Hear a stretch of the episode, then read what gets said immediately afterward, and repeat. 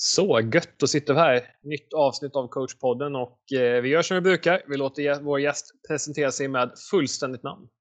Ja, tack. Eh, Henrik Lorendal, eh, 46 år, eh, bosatt i eh, förort till Stockholm. Eh, jag har bott här hela mitt liv. Har familj, fru och ja, två barn och klassisk svenssonliv höll jag på att säga. Nej, men det är en glad medelålders gubbe. Favoritlag? Ja, det är AIK. Är det i alla sporter eller liksom är det någon sport du följer noggrannare än de andra? Eh, ja, men tittar inom Sverige så blir det ju att man, eh, det var egentligen så jag växte upp. Att man var yngst i familjen, har ju två äldre syskon. Eh, så att det liksom, antingen så höll jag på det brorsan höll på eller så fick jag stryk. Det var ungefär så det var. Så att jag, det blev de lagen han höll på. Det blev liksom konstigt nog så här, Ystad i handboll, jag vet inte varför, ingen aning. Sirius i, i bandy. Alltså det var mycket, mycket märkliga, liksom. men det, det, man blir som man ska säga, formas när man är ung mellan liksom, ja, säg två till åtta år. Så att det är egentligen där det sitter från början. Då. Men AIK är ganska naturligt. Då. Annars har vi Liverpool. Gillar bra idrott generellt annars. Så. Och när du kollar på idrott, att, eh, kan du njuta av det bara som en åskådare och liksom sitta och eh, njuta av det på det sättet? Eller blir det att du direkt hamnar i någon form av tränarroll där man sitter och försöker analysera och tänka att så hade du gjort om du coachade? Jättebra att det stämmer. Du, du träffar huvudet på spiken. Eh, jag skulle nog vända på det. Snarast man vill in och lira faktiskt. inte alltid vill träna. Eh, det, det har faktiskt varit en jäkla utmaning eh, att gå från spelare till tränare. Det är att man, man vill ju gärna förändra saker. Nej, men jag, jag är bra på att njuta. Eh, framförallt av idrott man kanske själv inte har hållit på på den nivån. Men tar vi innebandy specifikt så, så blir det mer att man, ja, men, ja, det här ska man kunna göra bättre. Sen är det inte allt man väljer att säga det. Men, nej, men jag kan njuta, men det är klart att det kliar i fingrarna såklart. Och det tycker jag det är väldigt intressant för man har ju så olika bakgrunder som ledare. Man kan ju dels komma från mig som har en eh, spelarkarriär som inte ens var en spelarkarriär utan det var ganska naturligt att eh, okej, okay, spelare kommer det inte bli utan det får ju bli något annat då än, än att vara den som står på plan och spelar. Men jag tänker när man har en så pass gedigen spelarkarriär bakom sig, är det svårare tror du att ta steget över till liksom, att ha en roll i, i båset? Ja, jag, jag, tror faktiskt det. Alltså spontant svarar ja. Eh, sen hoppas jag med, med, att, eh, med, med sådana här initiativ som du har Johan och även många andra att vi kan bli fler som kommer tillbaks. Nu är Joel Karnebjörk tillbaks. Det är kanonbra. Alltså jag älskar när folk kommer tillbaks till sporten som vi ändå växt upp med och byggt upp. Så att är jag för lite som kommer in. Om det är en av anledningarna, det kan det faktiskt det, det kan vara så. Men jag, jag, tror att det är mer att man känner att om du är elitspelare så lägger du ner ett stor del av ditt liv och framförallt din mentala insats du lägger in Det blir så pass överhängande så att man känner att ja, det är så skönt med fritid tror jag. Jag tror att det är, det är paddel, det är familj, det är kompisar, det är resor eller bara du slappa framför soffan och titta på Åh vad, vad bättre det var förr. Ja, men du förstår. Så att jag, jag, tror att, jag tror att det är eh, tiden som blir över njuter man av. Så att, ja, jag hoppas ju verkligen som jag sa att fler kommer tillbaks vi behöver bli fler. Och om vi, jag tänker, vi kommer ju återkomma till det lite under avsnittets gång där, men om vi går igenom din egen då, idrottsresa. Du nämnde här med äldre syskon och så. Att, vilka sporter fick du testa på som ung och eh, liksom, ta oss igenom den resan? Absolut, det ska jag. Eh, min, min idrottsbakgrund är, har ju varit att jag, ett så gäller jag all idrott. Eh, verkligen all idrott. Jag kan titta på skidskytte, jag kan kolla på konståkning, inga konstigheter. Jag, jag njuter av liksom eh, av att se de specifika momenten i varje liksom, idrott och man vet mycket arbete det ligger bakom. Så jag tror det är där man känner igen sig själv lite grann. Så min del av det är att jag höll på med slalom under många, många år. Startade när jag var fem år, höll på tills egentligen sista året i högstadiet. Jag höll på med hockey, slutade med det i gymnasiet. Fotboll och tennis. Så det var fyra idrotter. Innebandy som du vet, för min del kom inte en igång förrän lite senare. Då. Så den kom igång runt eh, 93 där, 92, 93. Ehm, och eh, det det hade kvar sen på, så att säga, under klassiska gymnasieåldern, det var ju fotboll och innebandy. Eh, så det blev väl mindre 9-10 pass på en vecka. Men det var däremot inte, det var lite mer säsongsbetonad idrott. Mm. Det var inte så mycket året runt. Så jag tror att man längtade mycket mer till varje idrott. När det väl blev dags för vintersäsong så längtade jag till innebandyn och jag längtade till fotboll när det blev vår. Så den tror jag inte att dagens ungdomar får uppleva riktigt. Ja. Bra eller dåligt, det vet jag inte, men jag, ja, för mig var det jättenyttigt att ha multidrott. Det kan ju också bibehålla till att man har sin intresse liksom längre. De brukar ju säga det att du behöver lägga ner 10 000 timmar för att du ska bli bra på någonting. Men nu finns det också nyheter in att när du har lagt ner 10 000 timmar, då känner du dig ganska klar. Ja, du har en poäng Johan. Ja, du är helt rätt. Jag tror att det ligger mycket bakom det. Det är, det är väl en, ett uppdrag man har som tränare också. Uh, och säkert anledning att prata mer om. Men jag tror att som tränare är det viktigt att få laget att, att längta tillbaks till en träning. Det är ju sjukt viktigt kan man säga, eller sjukt men det är väldigt viktigt i väldigt småbarnsålder. Eh, för det är ju konkurrens bland andra idrotter. Hur ska du få dem att vilja komma tillbaks? Ehm, kontra att nu blir äldre så vill du få dem att ambitionen kuggar i med motivationen och det får det att komma tillbaks. Så att, äh, det är hela tiden viktigt att äh, kanske avbryta två målet i tid ibland, brukar jag säga. Äh, då behöver vi inte gilla dig som tränare. Det viktiga är att känna att åh, imorgon blir det tvåmålsträning, nu jäklar. Att, äh, det finns en poäng i det också. Ja, men precis. Men vi fortsätter på uh, idrottsresan här. Du var framme på gymnasiet tror jag någonstans här va, med de olika idrotterna. När kom innebandyn in i bilden? Den kom ganska prick, eh, ska säga sommarlovet, årskurs 9, första året i gymnasiet. Eh, och jag kan ju berätta, det är kul att avslöja om sig själv. Jag har alltid haft hög målsättning med, med allt jag tar mig för. Eh, jag vill göra saker gediget och jag har ju, mina föräldrar är ju lärare. Alltså det är, mamma var ju matte, fysik, kemilärare på gymnasiet och pappa han var ju lektor på universitetet. Så att jag kom ju från en akademisk familj. Med det sagt och, så, så, och mina syskon var lite vassare i skolan än vad jag var så kände man ju lite en viss press att ändå leverera eh, när jag kom upp i gymnasiet så insåg jag, oj, jag gick i teknisk linje, det var fyra år på den tiden. Så vart det ett rejält, eh, eh, ska säga, ja, rejält eh, gupp i vägen helt enkelt. Stötte på patrull i skolan och eh, jag kände att det går inte att bedriva alla idrotter samtidigt. Så att tennis, hej då, eh, slalom, fanns ju ingen snö, hade inte råd helt enkelt. Jag hade faktiskt inte råd, det var nog ganska talangfull ändå trots allt. Och hockey och höll jag på med ett halvår i första gymnasiet. Kände att det här går inte vägen helt enkelt. Det gick inte att kombinera. Så att den tog slut bland annat av det. Men också att jag tyckte innebandy var väldigt idrott som, som sådär, den fascinerade mig och jag fick en passion för det. Just att det var intensivt. Nu låter jag det motsägelsefull, hur kan du hålla med fotboll? Men Faktum att det var liksom stadslagsuttagningen i fotboll gick väldigt bra. Eh, Väsby var ganska högt upp i seriesystemen. Eh, vi hade bra ungdomskullar. Eh, spelade ungdomsallsvenskan, alltså riksserien. Mm. Så det gick ju bra i fotbollen. Men som, som jag är som person så vill jag gärna ha fler målchanser. Jag gillar att spela en intensiv idrott. Så det blev rätt naturligt. Jag, valet föll precis som Ken Nilsson sa. Det är roligare att lira innebandy än fotboll. Det var faktiskt så. Så att det fick mig att satsa inne på innebandy egentligen från första ring. Då. Så på den vägen är det. Var det liksom AIK från start eller vilka, var det något lag ute i Väsby först då? Ja, det blir ju naturligt med, med, dels med, med, med de som var äldre än mig såklart. Eh, det var ju min, min bror och hans kompisar som startade för detta Grimsta AIK som sen har bytt namn och organisationsnummer. Eh, nu är det liksom Väsby AIK som gäller. Då. Så där blev det liksom, och vi hade många lag. Eh, Väsby, jag skulle säga blanda ihop det. Ja, Väsby, IBK eller IBF var ju högsta serien för herrar eh, långt på 80-talet.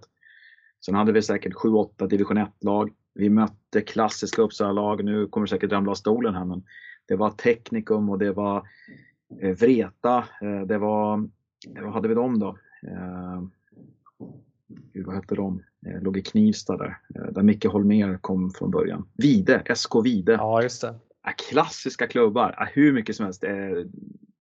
Ekeby, där Johannes spelade. Det var ju alltså det var mycket, mycket division 1-lag lokalt som gjorde att det liksom drevs på det här intresset lokalt. Så att i Väsby var en riktig sån metropol om man tittar i Stockholm. Det var verkligen, det var vi och sen var det liksom runt Haninge, eh, Ballog Balrog eller Norsborg då.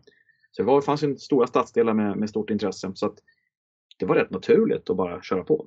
Uh, sen fick man ju liksom, kom det upp lite yngre så man liksom började på generationsväxla också. Så att Äh, supernaturligt och eh, det var riktigt bra innebandystämning i kommunen. Alltså både hatkärlek, vi till och med hade konkurrerande klubb, stängde dörren när det var träningstid. Vi fick inte komma in förrän det blåste liksom, eh, i, i eh, högtalarna att nu är det dags för vår träningstid.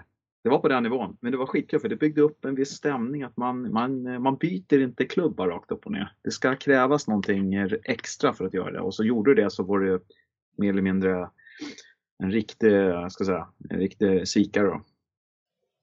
Ja, och, det, och det är ju otroligt intressant om man tänker den stoltheten. Eh, jag tittar ju lite på Uppsala där. För backarna man bara tio år så hade vi ju kvartersföreningar i varenda kvarter där. Men nu blir det ju Det splittras ju upp lite, men hur viktigt är det om eh, sidospår, men den lokala idrotten, liksom att det är lättillgängligt och nätträningar och sådana saker?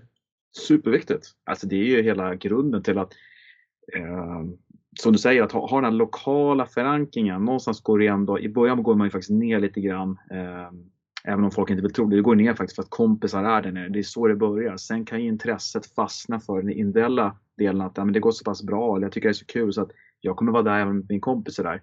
Men det startar ju med att någon kompis eller någon, någon bekant eller en pappa som känner någon och så på den vägen.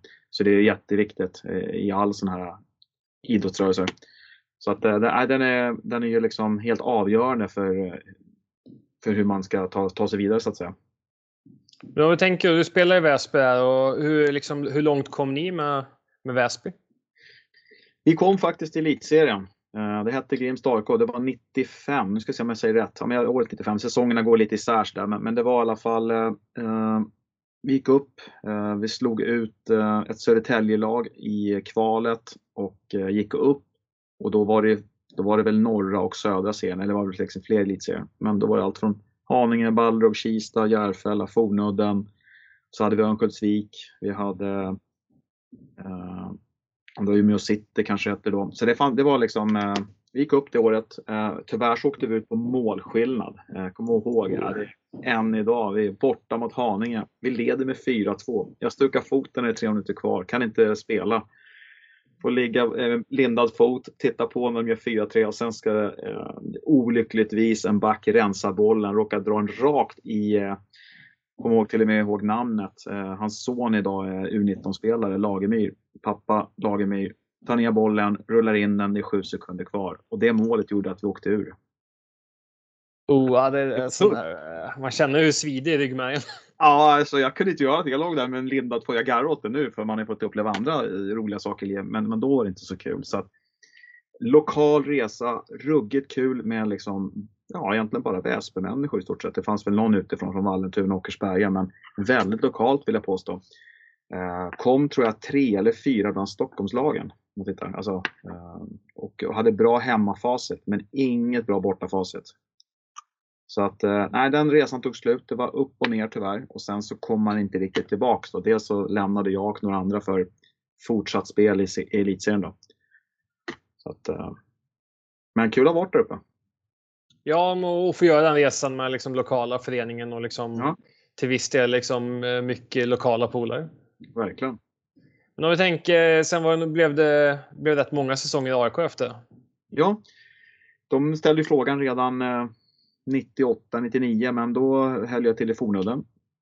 Um, fick en bra säga, plantskola där. Det är många etablerade spelare då och som varit med länge som gav mig många taktiska råd. Så det var där man saknade så att säga. Um, talang och vilja, liksom, alltså, talang i sig är ju att liksom, ta instruktioner också. Att man verkligen, så här, men det finns folk som säger bra saker så att uh, det tyckte jag gjorde bra. Och, eh, jag klev över sen till AIK faktiskt när Micke Gunnarsson valde att gå över till AIK från Fornudden. Och sen har vi AIK-hjärta och jag tyckte att ja, men det här är en spännande resa. Eh, hade otroligt lite koll, vilket låter helt sjukt när man bor så nära. Eh, hur de spelade, att de hade ett visst specifikt spelsystem med, med Jocke Nordström i spetsen då, som tränare. Eh, men eh, när Lasse Granqvist eh, ringde eh, andra gången så sa nu ska vi träffas eh, på Sheraton Hotel inne i stan. Vi ska diskutera ett kontraktförslag och eh, det fick ju någon sån här, det var jag vet inte, ingen uppenbarelse, men det var någon sån här déjà vu bara. Uh, hade uh, jag och min, uh, nu var alltså min fru då, vi satt och mm, skulle skriva på papperna. Då kommer det in ett gäng tjejer, alltså väldigt unga var de, fnittrade och var väldigt fnissiga sådär. Och jag sa till, till både Lasse och någon att du, jag tror att det där är Destiny's Child. De uppträdde i Stockholm på gamla ZTV. Jag bara, det, det, jag måste skriva på. Det, det, det, liksom, det där fick mig att bara, äh, jag hade skrivit på ändå, det fattar ju. Men det var liksom, nu måste jag skriva. Vart är papperna? Vart är papperna? Så att, eh, det blev påskrift. Kolla på ZT på kvällen. Mycket riktigt, det var de. Eh, så det fick mig så här, äh, ja, det... Nej, jag, jag var inte alls det. De var starstruck av mig. Då. Alltså det var, det var, fick bara en sån här upp, känsla att det här, det här är rätt val. Det känns helt rätt. Uh, och det var det också fantastiska människor att jobba med. Eh, alltså, som är runt laget med Lasse i spetsen och många därtill. Då. Eh, så det var ganska enkelt val i slutändan. Och om... Alltså, vi ska givetvis fördjupa oss lite i de åren liksom, men efter liksom de, alla säsonger du gjort där så har det även blivit spelare lite... Du, du lirar ju fortfarande i stort sett va? Ja, vi kan göra lite. Nu har jag och min son, vi har gjort debut. Han är i och för sig vi är 16 år, eller 17 fyllde jag för i uh, alla dag. Uh, så att det, det är väl helt rätt tid att, att börja spela för, på seniornivå för honom. Så det var lite kul. Det var lite milestone att ha det så här. Det var kul att göra en match ihop även om det var bara för division 2 så, så var det upp, en rolig grej för mig i alla fall. Då. Mm. Så att, nej men vi harvar på där ute på att säga.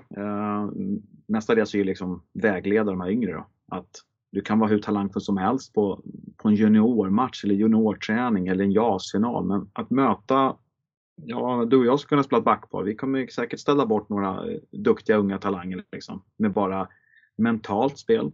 Lite, lite fult spel, alltså jag menar, du förstår mig, lite grisigt som vi kallar det för. Så att uh, det finns en del att lära ut fortfarande. Så därför är jag på banan. Jag kan kliva in och sköta i grisar möjligtvis, men då får du ta upp spelen och sånt där. Det...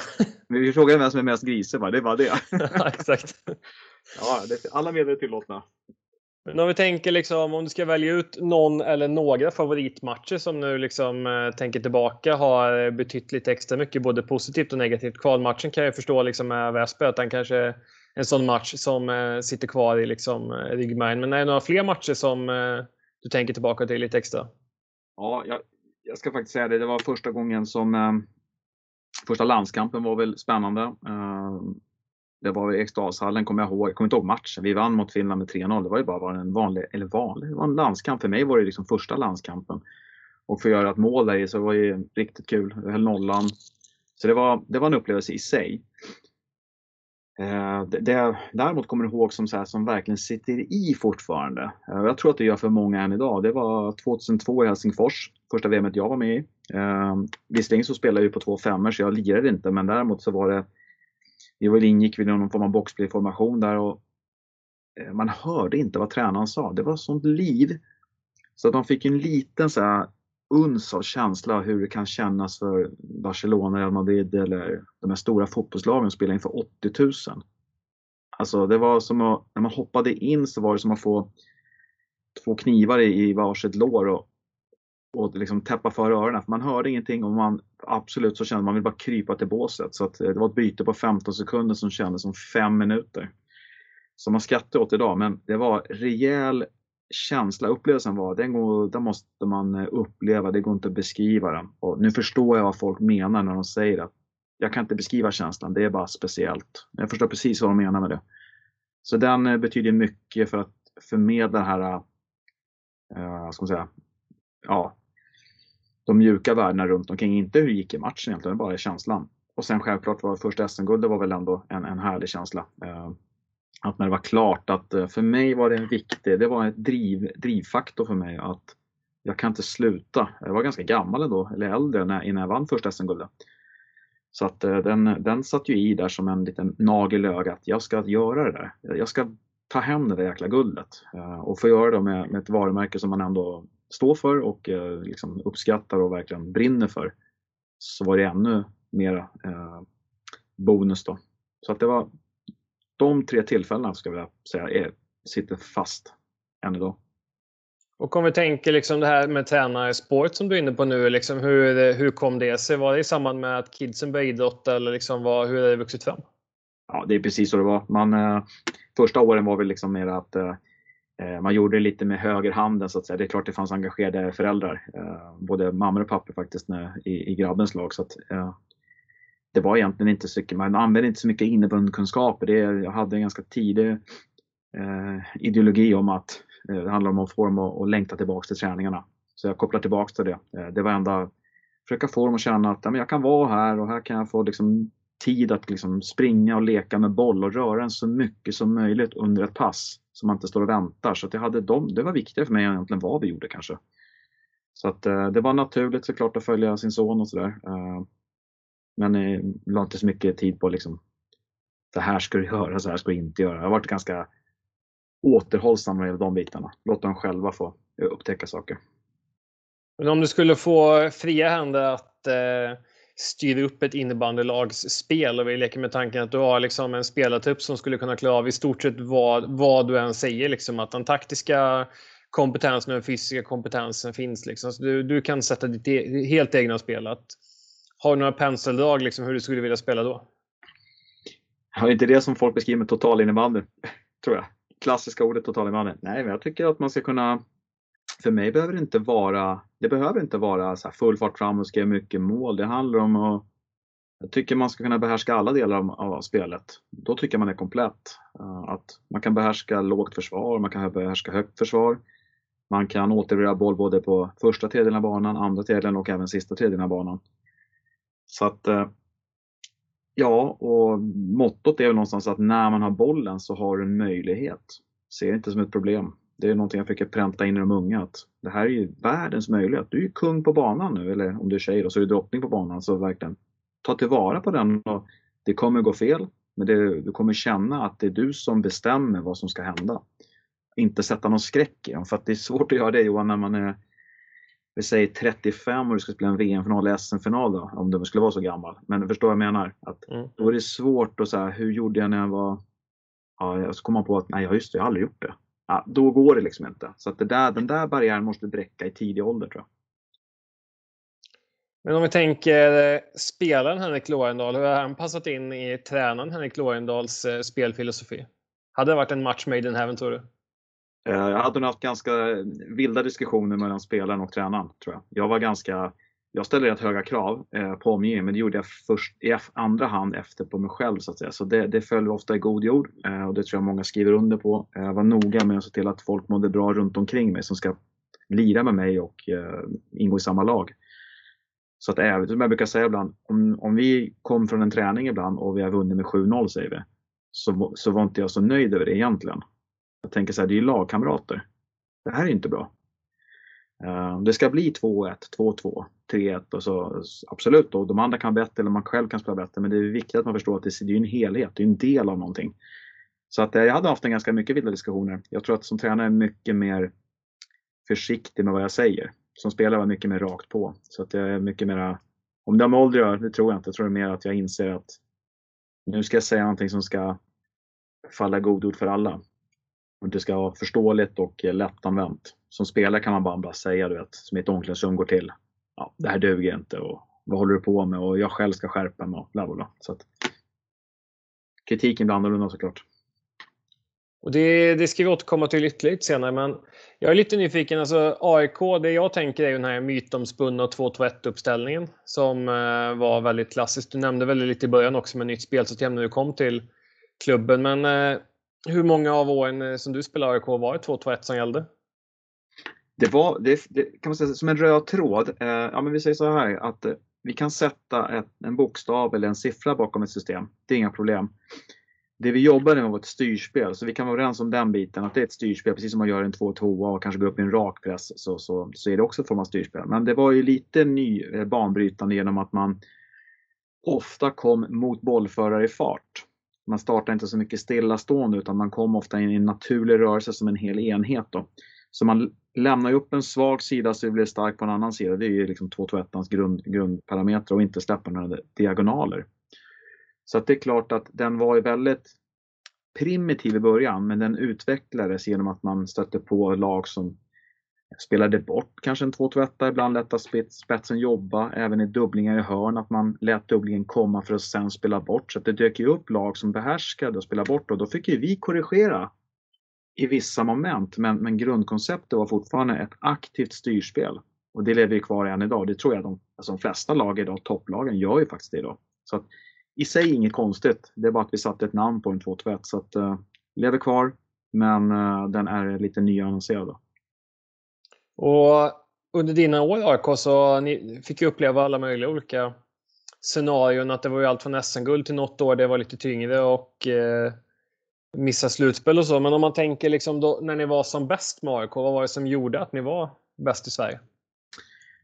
Eh, jag tror att, jag brukar säga det, det, det är lätt och inte lätt, det, det var, blev naturliga steg på vägen de flesta var väldigt självgående, som jag brukar säga att det var mer eller mindre lagkaptener allihopa. Så att alla hade en ganska egen Ambitionen kom in år för år. Den kom inte som att vi startar och spelar AIK som säger att vi ska vinna SM-guld om fem år, utan det kom lite steg för steg. Så att vi hade inte så, som folk vill tro kanske, att vi, vi ska vinna SM-guld. Nej, vi insåg att första året ska vi bara lära känna eh, dels själva eh, hur, hur, hur klarar vi av eh, elitserien på den tiden. Och sen har vi märkt att ja, det här gick ju bra. Nu fick vi lite mer eh, så att säga, vittring och då kom det in lite ny, någon ny spelare här och där och det är liksom lite justeringar både ledare och hur vi spelar. Så det kom med, med tiden med, eh, längs vägen att vi ville vinna ett SM-guld. Så eh, det var verkligen saker och ting föll på sin plats år efter år. Det... Du nämnde det här med lagkapten. Det är en sån grej jag tycker är otroligt intressant. För jag, jag, jag är medveten om hur stor nytta en lagkapten kan göra. Liksom. Men i teorin så skulle man vilja ha att alla är lagkaptener och då kanske inte en lagkapten alls är viktig om alla kan ta det ansvaret. Men vart står du i den debatten? Hur, hur viktig är lagkaptenen? Idag är den ju en, en jätte, jätteviktig. Jag, jag, jag tyckte du träffade eh, verkligen kärnämnet. Förr i tiden så var många, liksom, man spelade mycket mer spontanidrott och spontanidrotten på den tiden var ju att så jag vill inte vinna, torska mot mina polare på gatan när jag spelar landhockey. Så du fick en naturlig vinnarskalle, om du förstår vad jag menar. Det, var schack eller kortspel, alltså man, var, man började grina för att man förlorade monopol. Så jag tror att det kom naturligt att folk hade den naturliga vinnarskallen oavsett vad man ställde upp i. Idag kan ju, ju tjejer och killar mycket tekniskt bättre. Alltså det är inget snack om saken, det går fortare. Men de kanske inte har fått den här grundliga delen i det mentala spelet. Så att idag är det mycket viktigt att det här måste man prata om, i, som jag, ungefär som jag pratar nu, i ett utbildningssyfte. Hur viktigt det är att ha målsättning. Varför jobbar vi med, nyckeln? Eh, med nyckelfaktorer? Backar vi för 20 år så var det så här, ja, men jag är här för att vinna. Ingenting annat. Hur det ser ut, ja, jag kan spela för noll publik, spelar ingen roll, jag ska bara vinna. Ja, det är eh, viktigare idag som svar på din fråga. Så att, I AIK var, behövde vi ingen liksom, formell lagkapten, även om de var väldigt duktiga så gjorde alla sitt jobb ändå. Om man tänker eh, de säsongerna det gick lite tyngre för vad var det som då gjorde att det kanske gick lite tyngre? Eh, ja, men det var att dels så, eh, jag ska inte säga att vi äldre blev mätta, men det var svårt att få in en kultur när samhället faktiskt, ska säga det, det ändras ju lite för varje år, att det blev lite curlat samhälle. Eh, det ska vara en röd matta och så vidare. Och jag, det, är inte, det, är inte, det är synd om spelarna för de har inte haft de ledarna bakom sig i tidiga ungdomsår att få den här grunden, den mentala grunden. Och då är det svårt att göra när, när de är seniorklara. För de är inte seniorklara rent mentalt, men tekniskt är de det. Så att ja, jag tror att, jag säger, därför jag, jag vill inte säga att spelmaterial blir sämre. Det kan man ju säga, men vad i spelmaterialet är sämre? Den mentala var sämre. Den mentala förberedelsen för att vara ett vinnande lag i ett vinnande kultur, den var sämre. Och den gick inte att, gick inte att hämta upp den med ett fiskespö liksom, faktiskt. Det, det, du ser ju själv, AIK är inte ens tillbaka i SSL, så det, det, tar tid. Uh, det är mitt korta, eh, långa svar också. Om man då tänker, eh, vilka delar tyckte du var liksom svårast att jobba med under dina år som spelare på den nivån? De svåraste delarna tycker jag var att få alla andra att satsa lika mycket som jag själv satsade. Det, det var nästan som man ville bara göra att jag vet ju hur det var på sommarna. Vissa mm, spelar på ren talang. Jag, jag, jag tränar för att jag tänkte jag vill inte lämna någonting åt slumpen. Så det var svårt att inse att alla är vi olika. Jag vill att alla gör det. Så jag var väldigt noga med det. Därför jag menar, du frågade mig förut, hur skulle mm. spelaren prata med tränaren Henrik? Så skulle jag förmodligen stå en centimeter ifrån och be tränaren ställa högre krav. För det gjorde jag. Men jag hade sköna tränare och sa, du gör vad du ska göra så kommer det här bli jättebra. och jag gillar inte svaret men eh, de hade ju rätt. Jag måste fokusera på vad jag kan påverka. Så att eh, ja, fast man hade åldern inne så, så hade man, var man ändå oskolad i vissa mentala delar. Så att det är... Ehm, ja, det finns ju så mycket som man behöver liksom ta till sig för att det ska bli komplett. Då. Jag tänker också en sån grej som alltid är kul att höra. Det är ju liksom, har du något minne av att det var något lag eller någon motståndare som alltid var liksom extremt svår att möta som du kände liksom att var nästan som man hade, inte en klump i magen, men eh, man kan ju ta scenariot att om du spelar center och kanske kommer upp som lite junior så får du reda på innan matchen att du kommer spela mot Mattei Jendrzak så kanske han kanske är ganska tung. Eh, ja.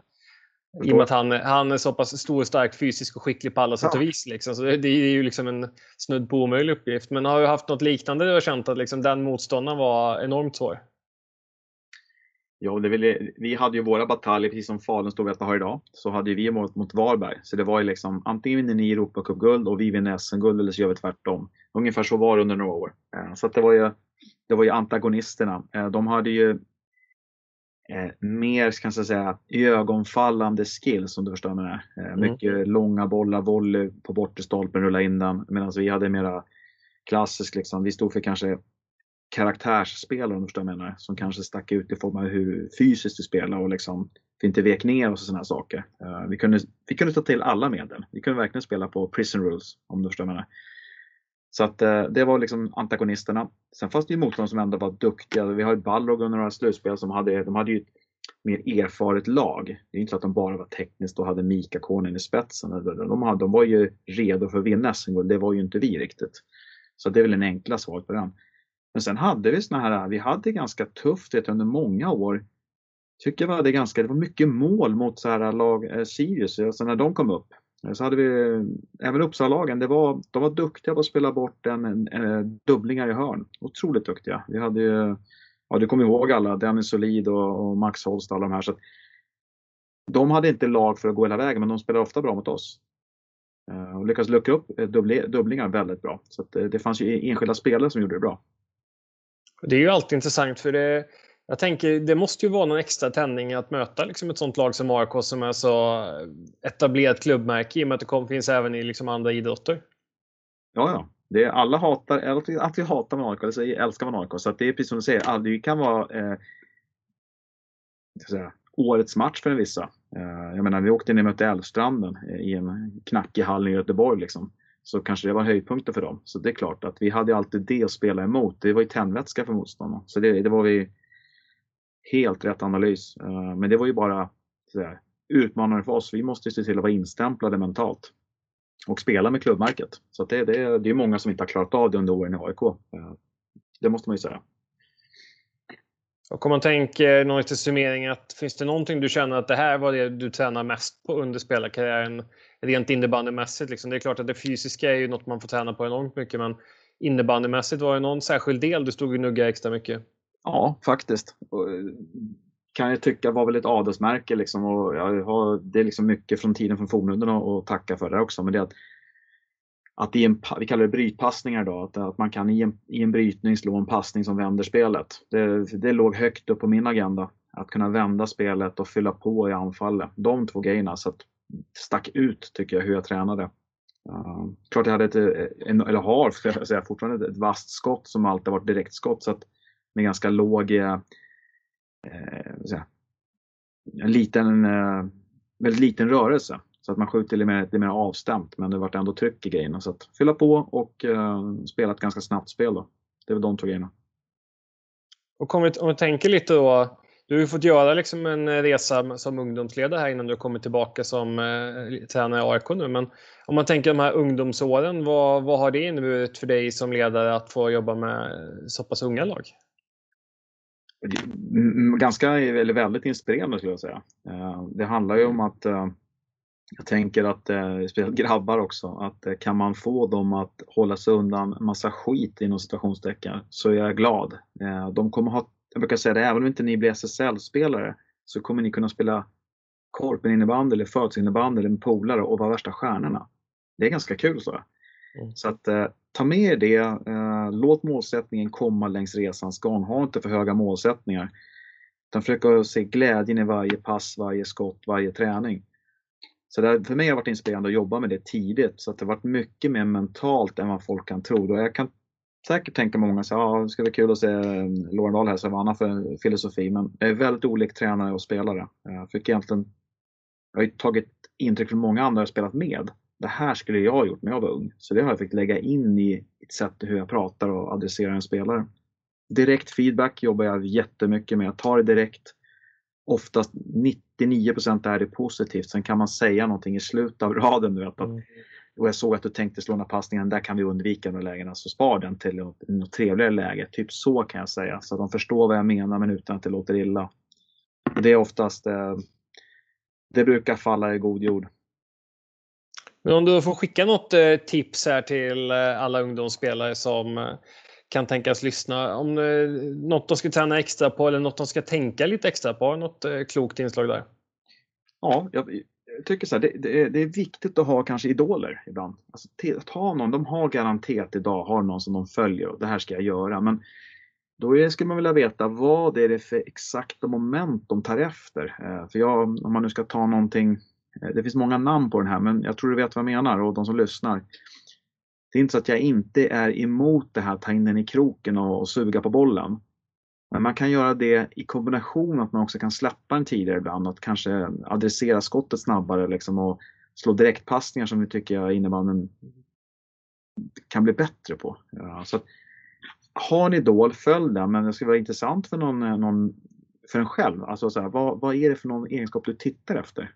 Ja, och, och, stämmer den så att säga? Så att, men sammanfattningsvis, till alla unga så skulle jag säga så här. Låt eh, eh så att säga, din resa ha lite tid och ha tålamod med dig själv. Du behöver, ingen mening att vara bäst och tro att du når din peak när du är 20. Tekniskt sett så kanske du är klar nu om du lyssnar på det här och är 17-18 år.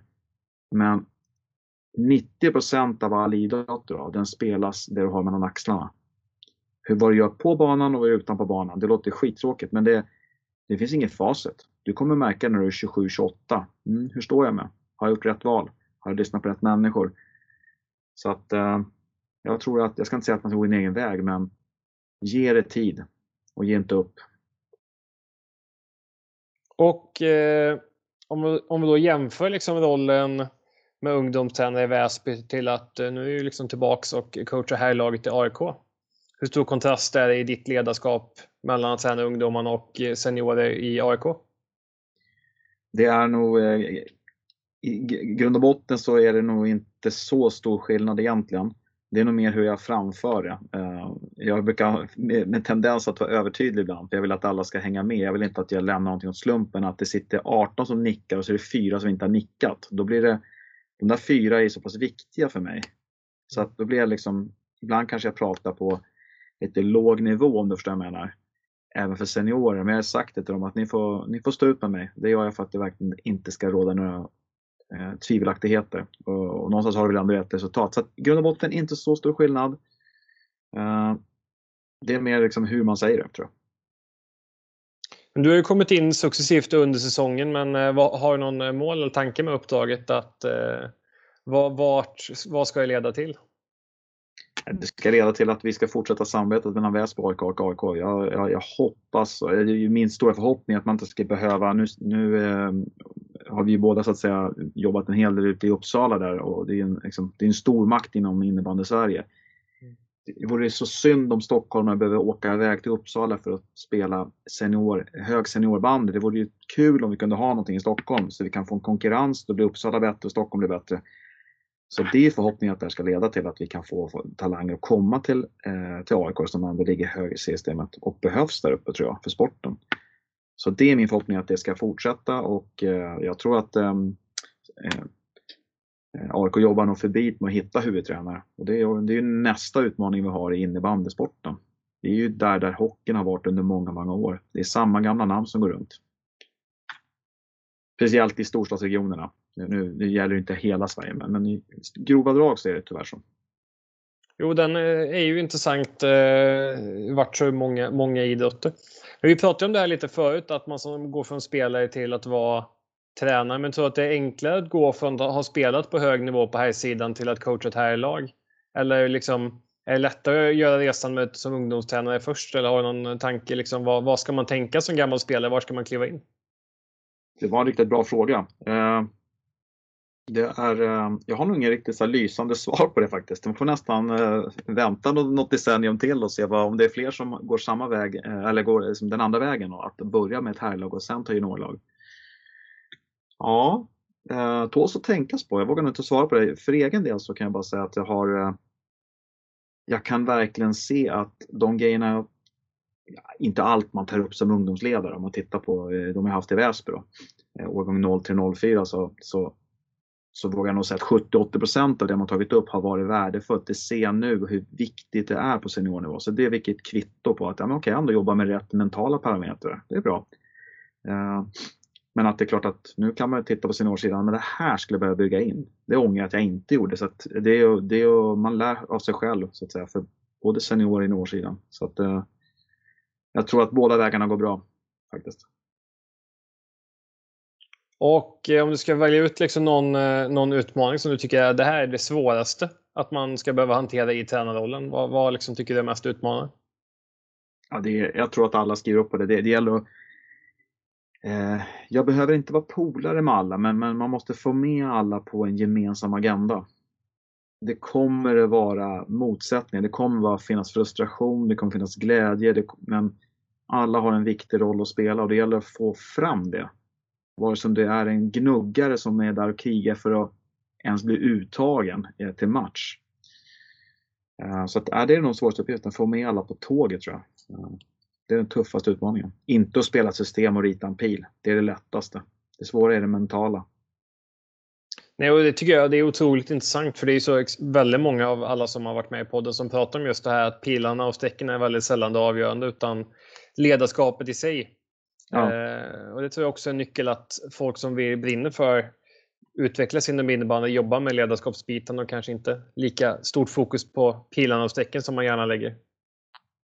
Nej, exakt, ja, och det är till din poäng att eh, jag har jobbat rätt mycket med att när jag kom in bara den här korta resan med AIK så har det verkligen varit att jag, jag har ganska högt i tak.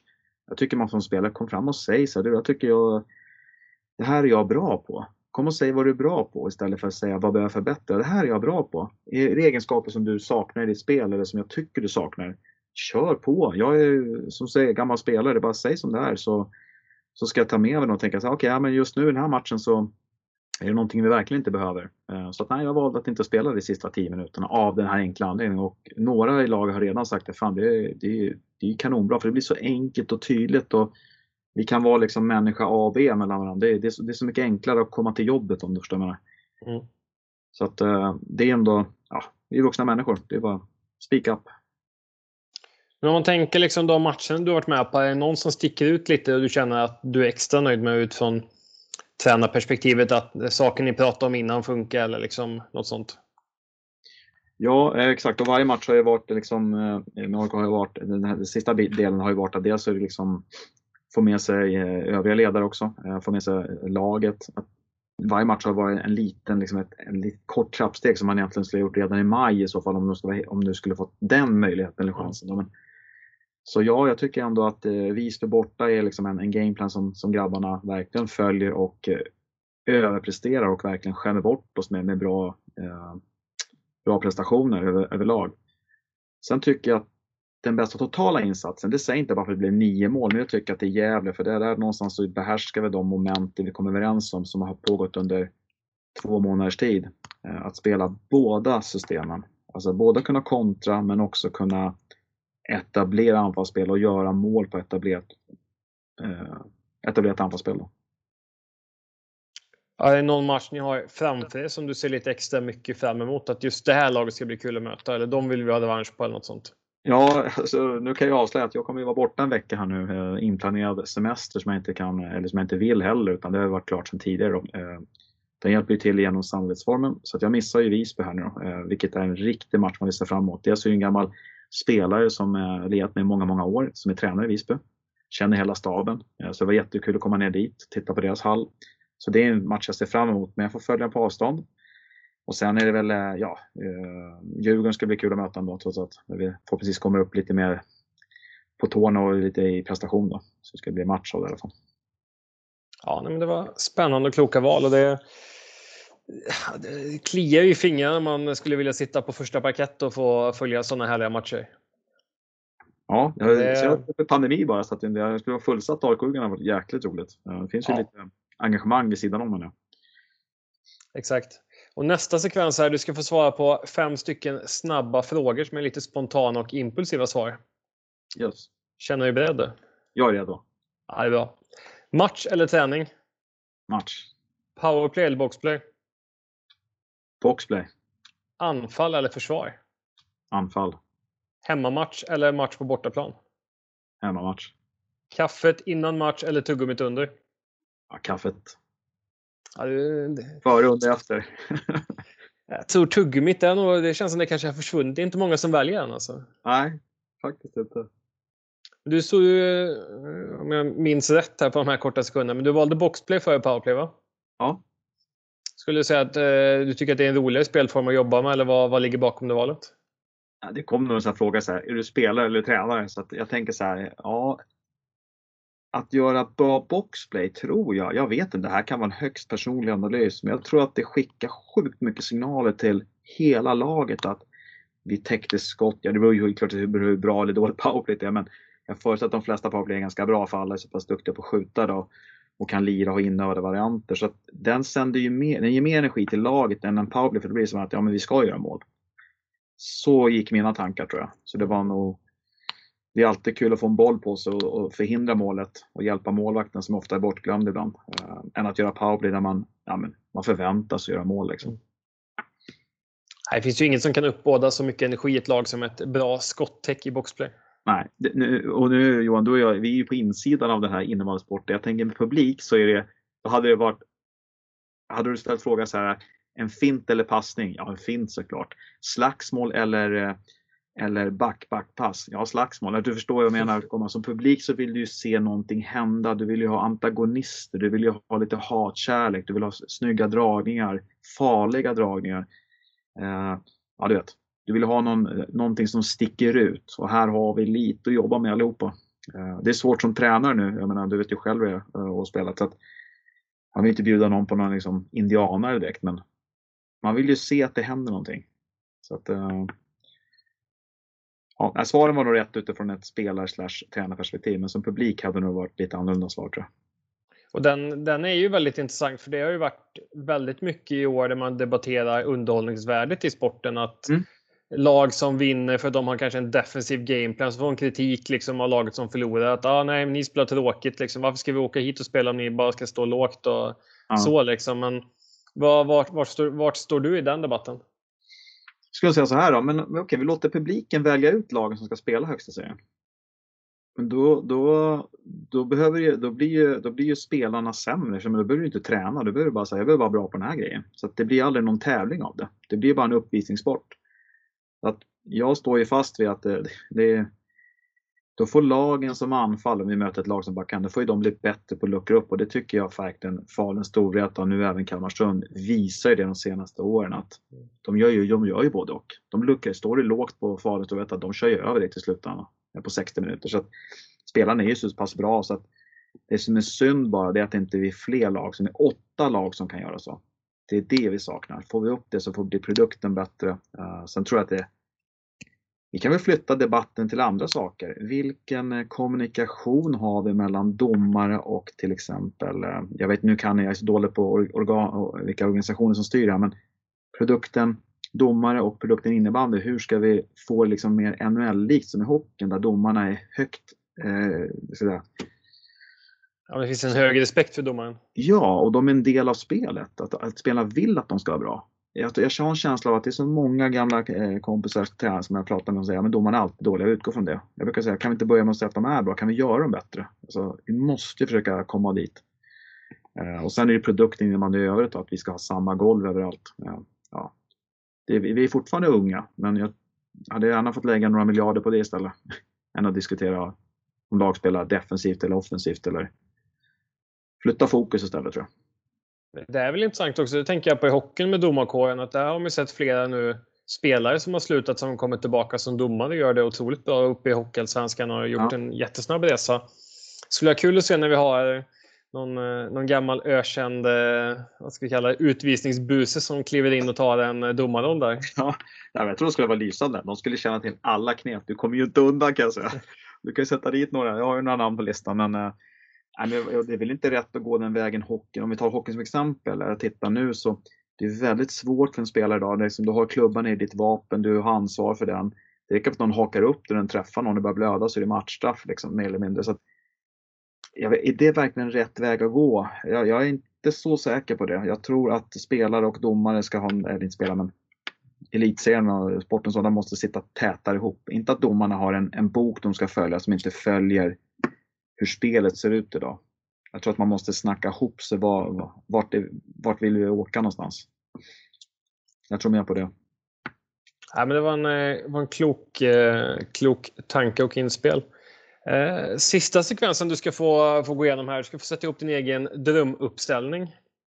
Med ja. förslagsvis då en målvakt och fem utespelare. Men du får ju sätta, sätta sex utspel om du vill också. Och, fritt val av taktisk disposition om du vill ha en eh, 2-2-1 uppställning eller vart grunden ska vara även om siffrorna bara är en liten del av det. Men någon eventuell ledarstab också. Då. Ja, men då skulle jag nog eh, göra så här att jag eh, det blir, det, jag, man är lika tråkig som alla andra, men jag, innan jag säger någonting så, så tänker jag att eh, något som jag önskar innebandyn skulle göra, vet du vad det är? Eh, vi pratar ju väldigt mycket om de här unga idag. Att det står väldigt mycket på innebandymagasin och eh, andra, andra liksom medier att ja, nu har han gjort debut när han är 13 och ett halvt år ungefär. Du förstår att jag vill mm. komma. Ja. Vi är väldigt dåliga på att ta hand om de som håller på länge. Jag tänker mig, jag skulle vilja höra så här, vad är det som förmår att Matte Samuelsson lirar år efter år?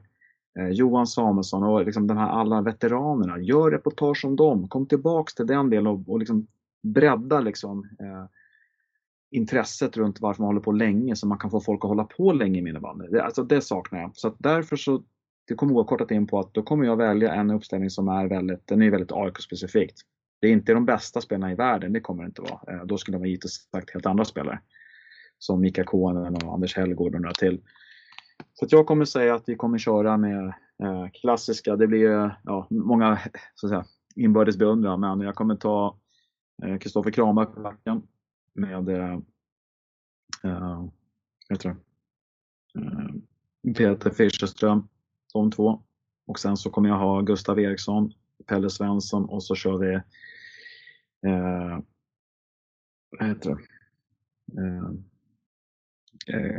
Carl-Johan Ereus och sen på sidan så väljer jag att placera eh, en riktigt bra lagkapten i form av Micke Gunnarsson som är taktiska bollplanka och den här mentala rådgivaren eh, tillsammans med Halstesson, Uffe eh, och även Johan Nilsson då, våran guldcoach vi hade. Och i mål skulle jag faktiskt ställa, vad heter det, Patrik Åhman.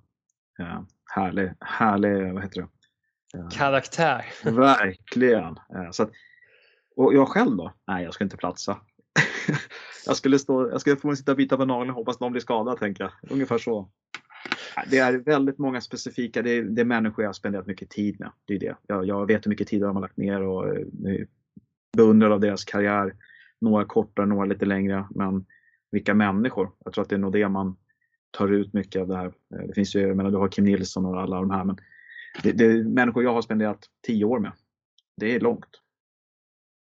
Att, ja, det, och det är ju det är fantastiskt. Liksom jag som, det är väl min generation, vi var väl uppväxta om man kunde se det här på, på tv, liksom, någon ja. match per säsong och lite sånt där. Så det, det är fint att minnas tillbaka till, eh, till de härliga åren och parkettgolvet i Solnahallen. Ja, den är, den är numera på museum, säkert innebandymuseum. En bit av det. Jag tänker ju liksom alla vi som inte hade Solnahallen som hemmaplan eller heja på lag som inte hade det. Liksom, då upplevde man ju att alla hatade den. Hur kände ni som spelare? Ja, och jag måste säga att de var helt, otroligt ödmjuka lagen. Alltså, på den tiden som jag sa, vi var grisar allihopa hela ligan, men, men alla, det var ingen som gnällde, de bara körde på. De visste att det kommer bli jobbigt, men det, det var alltid bjuda upp till dans. Eh, Dalen hade alltid bra matcher mot oss. Jag vet inte varför eh, i den hallen. Så de gillade att komma dit. Eh, så det var inget gnäll, men det är klart att eh, golvet var sämre. Det var inget snack. Det var, och vi utnyttjade det till fullo. Så att, det var någon, fast ändå en hemmaplansfördelskänsla över det. Verkligen, verkligen. Så det, det, sen, var det, sen var det publik också. Det fanns ju några härliga profiler i klacken också ibland. Så att, uh, det var någon gång vi hade firman Boys där på en julmatch. Det, var, det glömmer jag aldrig mot Dalen. Vi förlorade visserligen, men uh, det, var, det var det ena och det andra som uh, flög in på banan. Ja, det, Ja, man blir så sugen på att gå på innebandymatch nu så att ja. det kliar i fingrarna. Men eh, man får, det är härligt att få minnas tillbaka till fina stunder. Ja, det är perfekt att ha sådana här poddar då som man kan få chans att, berätta dem så att folk får, får ta del av dem. Exakt. Och med det sagt så har vi väl en bra summering av eh, dagens avsnitt. Och eh, stort tack Henrik för att du har tagit dig tid att medverka i coachpodden. Ja, tack så mycket Johan. grymt arbete. Så det är bara fler som gör det här. Det är bara haka på så driver det här framåt tillsammans.